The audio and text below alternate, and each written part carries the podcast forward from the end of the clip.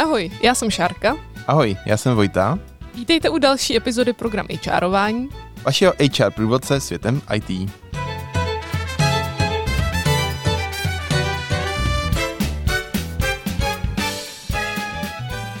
Dneska jsme si pozvali Honzu Vlnase. Ahoj Honzo. Ahoj. Řekni nám něco o sobě, prosím. Tak já jsem aktuálně eh, backend developer v eh, Muse a předtím jsem pracoval jako developer advocate pro Superface. Věnuju se obecně apíčkám, eh, věcem kolem apíček, developer experience a tak mě jako baví přednášet a komunikovat s vývojářema z různých stran. My jsme už měli podcast vlastně developer marketačku. Můžeš popsat, co je to vlastně ten developer advokát? Po případě jsou ještě nějaký jako další tyhle ty role? Jasně.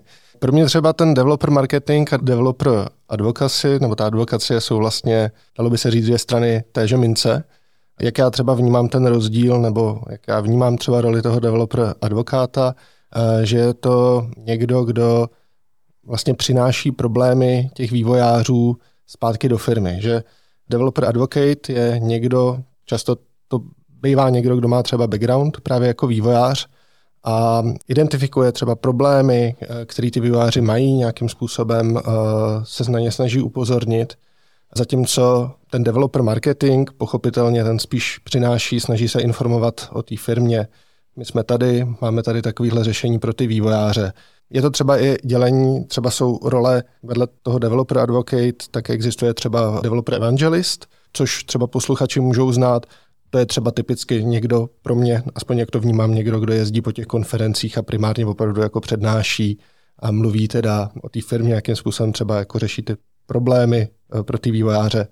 Takový jakoby zastřešující pojem pro, dalo by se říct, pro developer advocacy, ale i dá se tam zařadit ten evangelismus trošku, eh, je developer relations, což je taková jako poměrně abstraktní, skoro bych řekla až místy neuchopitelná disciplína, kam skutečně jakoby spadá jako jakýkoliv prostě kontaktní body má ta firma s vývojářema, tak by se to dalo v podstatě strčit do té škatulky Developer Relations, ale opět, hrozně se to liší firma od firmy.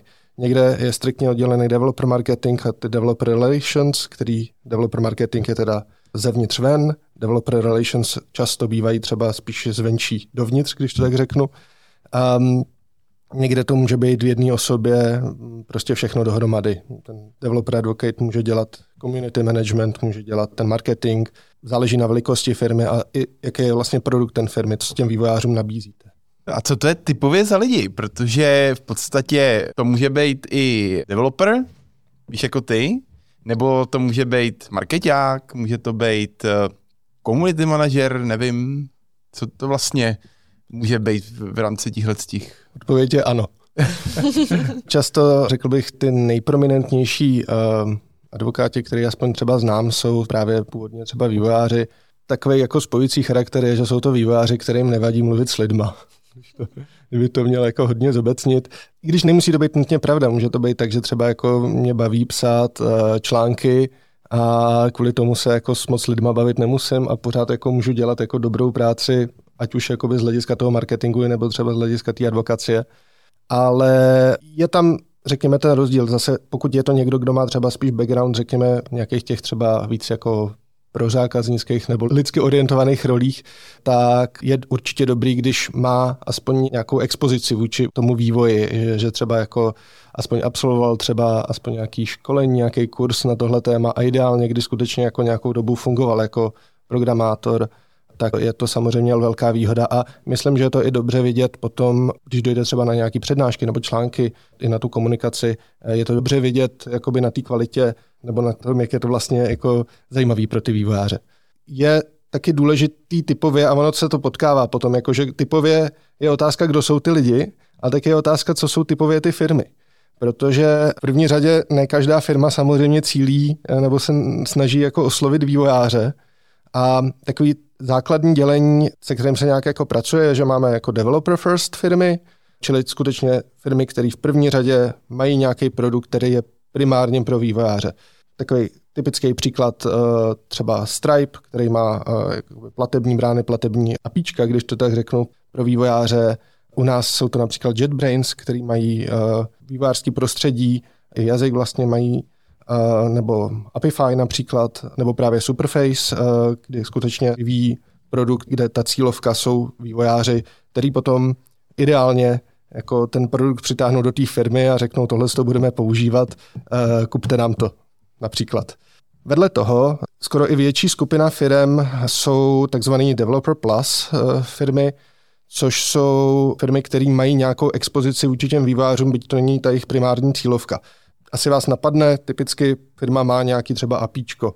A je to třeba i případ News, eh, je to případ řady třeba různých CRM systémů, Slack například taky. Eh, má nějaký produkt, který je spíš pro ty koncový uživatele, ale vedle toho mají bohatý systém integrací, kde právě cílí na ty vývojáře, pojďte pro nás vyvíjet prostě ty integrace, propojte vaše produkty, prostě rozšiřujte vlastně funkcionalitu toho našeho produktu. A je to i případ samozřejmě těch největších firm, Microsoft, Apple, Google, všechny mají nějaké svoje primární produkty, ale vývojáři jsou jako velkou součástí toho jejich ekosystému a jakým způsobem se to potom projevuje, eh, řekněme, v tom pozicování té firmy, je samozřejmě o tom, kam toho člověka zařadíte, jestli to je třeba někdo, kdo je součástí jako produktu, součástí engineeringu, nebo jestli je to třeba někdo, kdo vlastně pomáhá třeba salesákům, nějak jako s integrací třeba toho řešení pro zákazníka a podobně.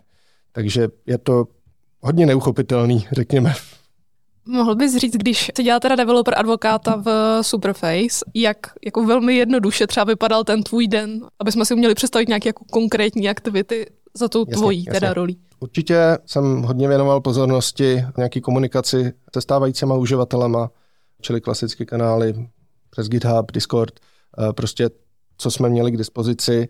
Případně jsem se snažil dělat i nějaký aktivní outreach, typicky třeba na Stack Overflow eh, nebo na Redditu, lidi mají třeba problémy s apíčkama, když nějakým způsobem to dávalo smysl, mohli jsme nějakým způsobem, no, jako to naše řešení by mohlo pomoct, tak třeba jsem řekl, hele, dá se to vyřešit takhle, takhle. Máme tady o tom třeba, nevím, blog post, nebo máme tady na to přímo konkrétně nějaký kus kódu, který by ti mohl pomoct. Takže to je, řekněme, jakoby zjišťování vlastně, co ta komunita potřebuje a zároveň nějaký outreach vůči těm vývojářům. Vedle toho, protože Superface je malý startup, tak uh, tam není úplně, řekněme, prostor na nějakou specializaci v tom, že bych řekl, já teď budu prostě jenom dělat ten outreach, nebo já prostě budu jenom psát uh, články. Takže jsem skákal v řadě jiných aktivit, právě třeba psaní těch uh, blogpostů mi tvořilo velkou část mý práce a zároveň i třeba nějaký přednášení na konferencích a podobně. Čili ty aktivity spíš toho evangelisty tam spadaly taky. A potom třeba později té roli jsem eh, se i zúčastnil právě různých sales callů. Vlastně jsem se pozicoval spíš jako customer success engineer, dalo by se říct, kdy právě, když jako by jsme se orientovali trošku jako B2B, eh, tak právě jsem často si volal s, řekněme, s nějakýma architektama, seniorama z těch firm, Snažili jsme se právě vysvětlit jako technický člověk technickému člověku, jako jak to naše řešení funguje a čem je to pro ně přínosný. Takže je to, řekněme, i charakteristický pro ten malý startup, kde skutečně jako člověk nemá moc prostor se specializovat. A speciálně v té developer advokaci tak jako je určitě výhoda, pokud je člověk generalista a neštítí se jako zkusit si něco jiného, právě třeba skočit těm callům, to pro mě bylo jako úplně nová věc, ale hodně mi to rozšířilo, řekněme, obzory. I jsem získal určitý respekt k salesákům. A jak se v tomhle člověk může vzdělávat? To je strašný rozsah. A po případě mě napadá ještě třeba, jaký nástroje si používal, protože aby se s tom jako nějak celkově jako se z toho nezbláznil. Jasně. Tak vzdělávat se v tomhle směru existují už na to knížky, vloženě o developer relations, nebo je dobrý třeba pozorovat právě jako, řekněme, prominentní osobnosti v tomhle tom oboru. Skoro bych řekl, že jsou to takový jako influenceři, Napadá mě například ve světě Reactu, hodně je populární třeba Kenzie Dodds, který si vlastně na tom, že je poměrně notoricky známý, tak si na tom vybudoval eh, renomé a nabízí třeba svoje školení. Pak třeba Shane eh, Swix eh, si, si přezdívá, tak ten třeba prošel řadou firm a například třeba jednu dobu pracoval jako advokát pro Temporal. Takže pro mě je to třeba jako inspirace dívat se na ty konkrétní lidi a říkat si, tady bych se mohl jako něco naučit. Um, potom třeba Google mýval, už to bohužel není pravda, mýval velice uh, dobrý lidi, například mě napadá Jake Archibald, který zejména v oblasti webu byli takový prominentní advokáti a hodně jsem se u nich třeba inspirovali o tom, jako jak přednášet uh, o technických tématech. Takže určitě najít si tyhle ty vzory je asi přínosnější, než číst si nějaký knížky, který vlastně mi přijdou, že v tomhle oboru jsou kolikrát spíš jako směřují spíš směrem jako k managementu. Že se snaží jako vysvětlit přesně, co je ten developer advocate, čemu tady slouží a tak dále. Jo a ještě koho bych určitě zmínil, kdo pro mě byl velkým vzorem, je Adam Duvendr, který má teď agenturu Every Developer, ale ten začínal, řekněme, ještě v dřevních dobách, kdy jako nějaký developer relations eh, neexistoval nějaký soběstačný obor, tak on byl vlastně jeden z eh, prvních technických writerů pro SendGrid. A jsou to právě tyhle ty firmy, jako je Stripe, SendGrid, který skutečně jako od začátku řekli, my tady máme nějaké řešení pro výváře a je to díky právě práci těchto těch writerů, advokátů, evangelistů, že ty firmy vlastně díky tomu vyrostly že měli dostatečně kvalitní materiály, byli dostatečně vidět a díky tomu se jim dařilo. Skutečně jakoby Stripe třeba v oblasti apíček je pořád vnímaný jako takový jako všichni by chtěli mít jako apíčka a dokumentaci jako Stripe, i přesto, že nedělají zrovna jako v tom finančnictví, ale řeší třeba nějakou úplně jinou doménu, tak natolik je ta jejich dokumentace a ty materiály tak dobrý, že ta, řekněme, developer experience eh, je tak dobrá, že si všichni snaží být jako Stripe. Napadá otázka, ty už to teda si částečně trošku zodpověděl, ale protože developer advocate je poměrně nová role na českém pracovním trhu, tak eh, mě právě napadla otázka, kdo to dělal jako předtím, jestli to byli ty technical writeri nebo developeři. Já si vlastně myslím, že ve spoustě firm jsou lidi, kteří vlastně jsou takový developer advokáti, když si tak neříkají. I třeba v News máme vyloženě staff engineers, který vlastně jsou takový developer advokáti, ale ty jsou jakoby uvnitř v té nějaké jako technické komunitě mezi těma vývářema, který tam je. Takže ve větších firmách často seniorní, seniornější lidi, seniorní výváři, architekti, který třeba nějakým způsobem prosazují nějaký třeba praxe ohledně psaní kódu a jako nebojí se vystupovat jako interně vůči ostatním lidem, případně potom jako jdou ven a prezentují to jejich firmu na venek, tak je to jakoby neformálně ta role vlastně tady byla od té doby už jako řekněme, že od 80. let, kdy například Microsoft, tak ten na téhle advokaci a obecně o tom přístupu vlastně toho, že mají platformu a že cílí skutečně jako na vývojáře, tak vlastně na tom vybudovali svoje impérium. Takže je to určitě tohleto. Myslím si, že co se vlastně změnilo za těch posledních, řekněme, 10 let, plus minus 15 let, je to, že vývojářů je víc a zároveň mají, řekněme, víc eh, rozhodovací pravomoc. Jsou to vlastně oni, kteří často rozhodují o tom, jaký řešení se koupí a už to není často jako nějaký top-down eh, řešení ze strany managementu, tak teď koupíme tady prostě tohle řešení a milí výváři, popasujte se s tím. Protože zároveň ty firmy, bych se na to podíval z hlediska toho HR, eh, zároveň ty firmy si uvědomují, že, nebo ty osvícené firmy eh, si uvědomují, že pokud budou takhle spát vývářům něco, co se jim blbě používá a nechtějí to používat, tak výváři mají tu možnost prostě odejít někam, kde se jim bude líp pracovat. A teď mluvíš o těch developer advokátech, co spíš mají tu aktivitu jakoby směrem do firmy a ne jako do, Teďko jsem mluvil o vývářích obecně, jakože to jsem se dostal trošku do takové abstraktní roviny. Ale skutečně jakoby developer, advokáti, říkám, jakoby v rámci firmy to vždycky existovalo, co se ale proměnilo je, řekněme, že firmy vnímají ty vývojáře jako skutečně nějakou cílovou skupinu, na kterou by měli vyloženě mířit se svými produkty, nebo nabízet, že jejich apíčko například eh, není už jenom nějaká věc, kterou tady zadají jednomu týmu, tady to nějak jako popište a dál už to neřešte, ale něco, co aktivně řeší a aktivně to vnímají jako věc, která jim dává nějakou kompetitivní výhodu. V tomhle směru třeba můžu zmínit Eh, jak to máme třeba v News, kde skutečně, jenom abych uvedl kontext, tak News uh, vyvíjí, um, říká se tomu property management systém, zpravidlo to používají hotely pro zprávu uh, rezervací, um, ale i třeba, já nevím, nějaký údržby hotelu a takovéhle věci. Takový ten centrální systém, který má každý hotel. A jedna z velkých devis News, kterou často i zmiňují právě zákazníci, proč je třeba vybrali News, je jejich API. Tvrdí, že byly vlastně první jako cloudové řešení pro zprávu hotelů právě s otevřeným API, protože eh, do té doby, když chtěl člověk získat nějaký programatický přístup k eh, nějakému takovému systému, tak se musel bavit se salesákama třeba z Oracle a tak, což je jakoby zavedený hráč v téhle oblasti. tak Muse přišli s tím, že prostě hele, tady je dokumentace, tady máte demo prostředí, můžete si to všechno vyzkoušet a teprve v momentě, kdy jako to chcete začít používat na produkci, tak se s námi musíte bavit. A je to něco, na čem se hodně zakládají, takže ta firma si uvědomuje hodnotu toho jejich apíčka a skutečně to jako ví o tom salesáci, ví o tom prostě eh, marketing a když teda jako přijde na eh, množství integrací nebo na eh, nějaké výhody, který News nabízí, tak tohle je často jako i ten důvod, proč si uživatelé tohle řešení vyberou. Můžeš nám stručně vysvětlit pro lidi, co vůbec nevědějí, co to je API? Jasně, tak API eh, je zkrátka třípísmená pro aplikační programátorský rozhraní, kdybych to měl nehezky přeložit. A ty APIčka, o kterých se tady bavíme, nebo ty, které třeba řešíme v Muse, jsou typicky takzvaný webový APIčka. To znamená, eh, my jako Muse máme nějaký rozhraní pro ty eh, recepční a pro ty údržbáře v tom hotelu, klasicky webovou aplikaci, nějaký klikátka, formuláře a tyhle si věci.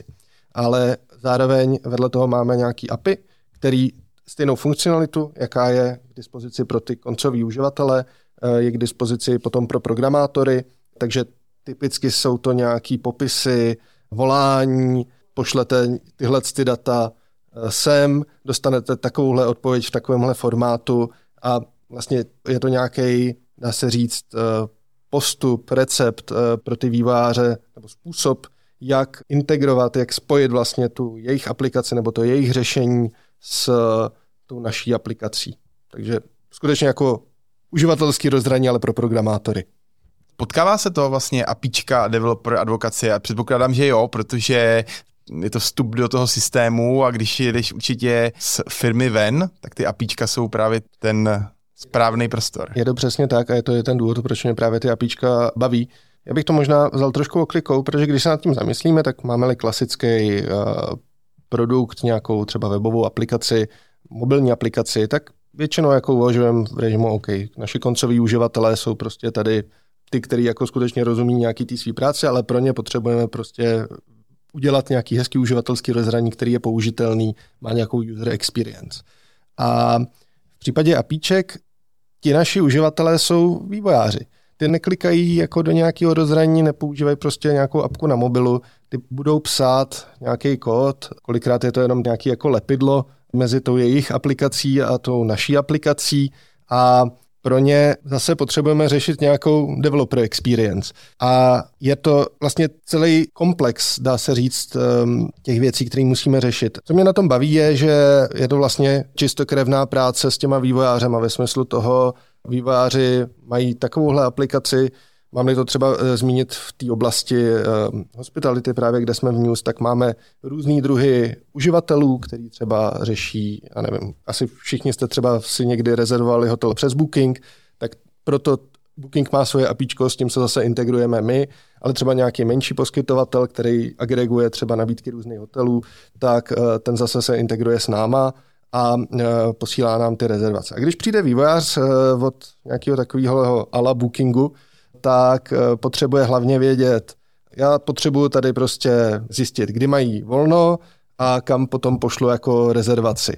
A to vstupní bránou, typicky u toho APIčka je právě dokumentace. Ideálně by ten vývojář měl hnedka jako najít nějaký ten svůj, říkáme tomu use case, způsob použití a ten mu řekne, Jasně, tady prostě je v případě klasicky webového APIčka máme tady nějaký endpoint, z toho si stáhneš ty data a takhle potom pošleš tu rezervaci.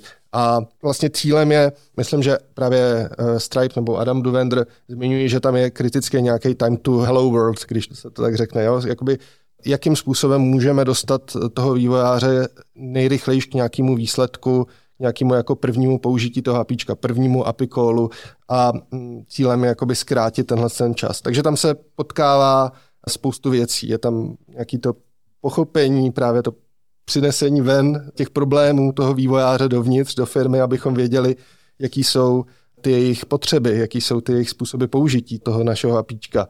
Je tam zároveň potřeba pracovat s nějakým feedbackem. Jo? Bohužel v případě News uh, víme, že, že naše APIčko má mnoho nedostatků a dost často se to právě projeví v tom, že nám potom ty vývojáři říkají, tohle je hrozně složitý, já to nechápu. Takže nějakým způsobem tohle to reflektovat a to se potom třeba přetaví i v nějakou jako technickou práci, protože na jednu stranu ano, my víme, že to APIčko potřebujeme zlepšovat, ale zároveň máme spoustu uživatelů, kteří už to APIčko integrovali a ty nechtějí zase, aby se měnilo.